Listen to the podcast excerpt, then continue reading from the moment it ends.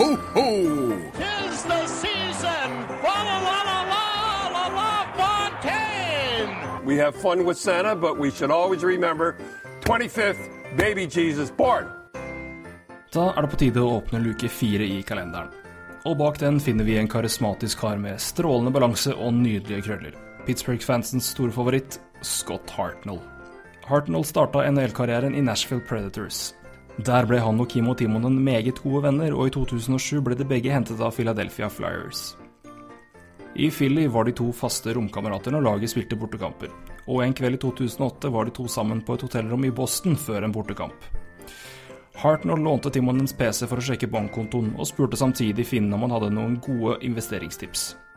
Som en spøk foreslo Timonen at han burde investere i den finske klubben Kalpa, men Hartnell gjorde alvor av spøken og kjøpte aksjer for 100 000 dollar i den finske eliteserieklubben, hvor Timonen eier majoriteten av aksjene sammen med en annen NHL-kjenning, nemlig Sami Kappanen. Spøken endte opp med å bli en god investering for Hartnell, for siden 2008 har Kalpa prestert godt og aksjekursen har steget jevnt. Og Hartnell er for øvrig den første utenlandske aksjeeieren av et finsk hockeylag.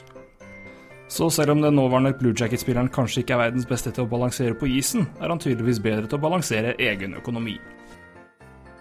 NHL Prats julekalender er tilbake i morgen og vi åpner den femte luka med en ny historie. Så vi høres da.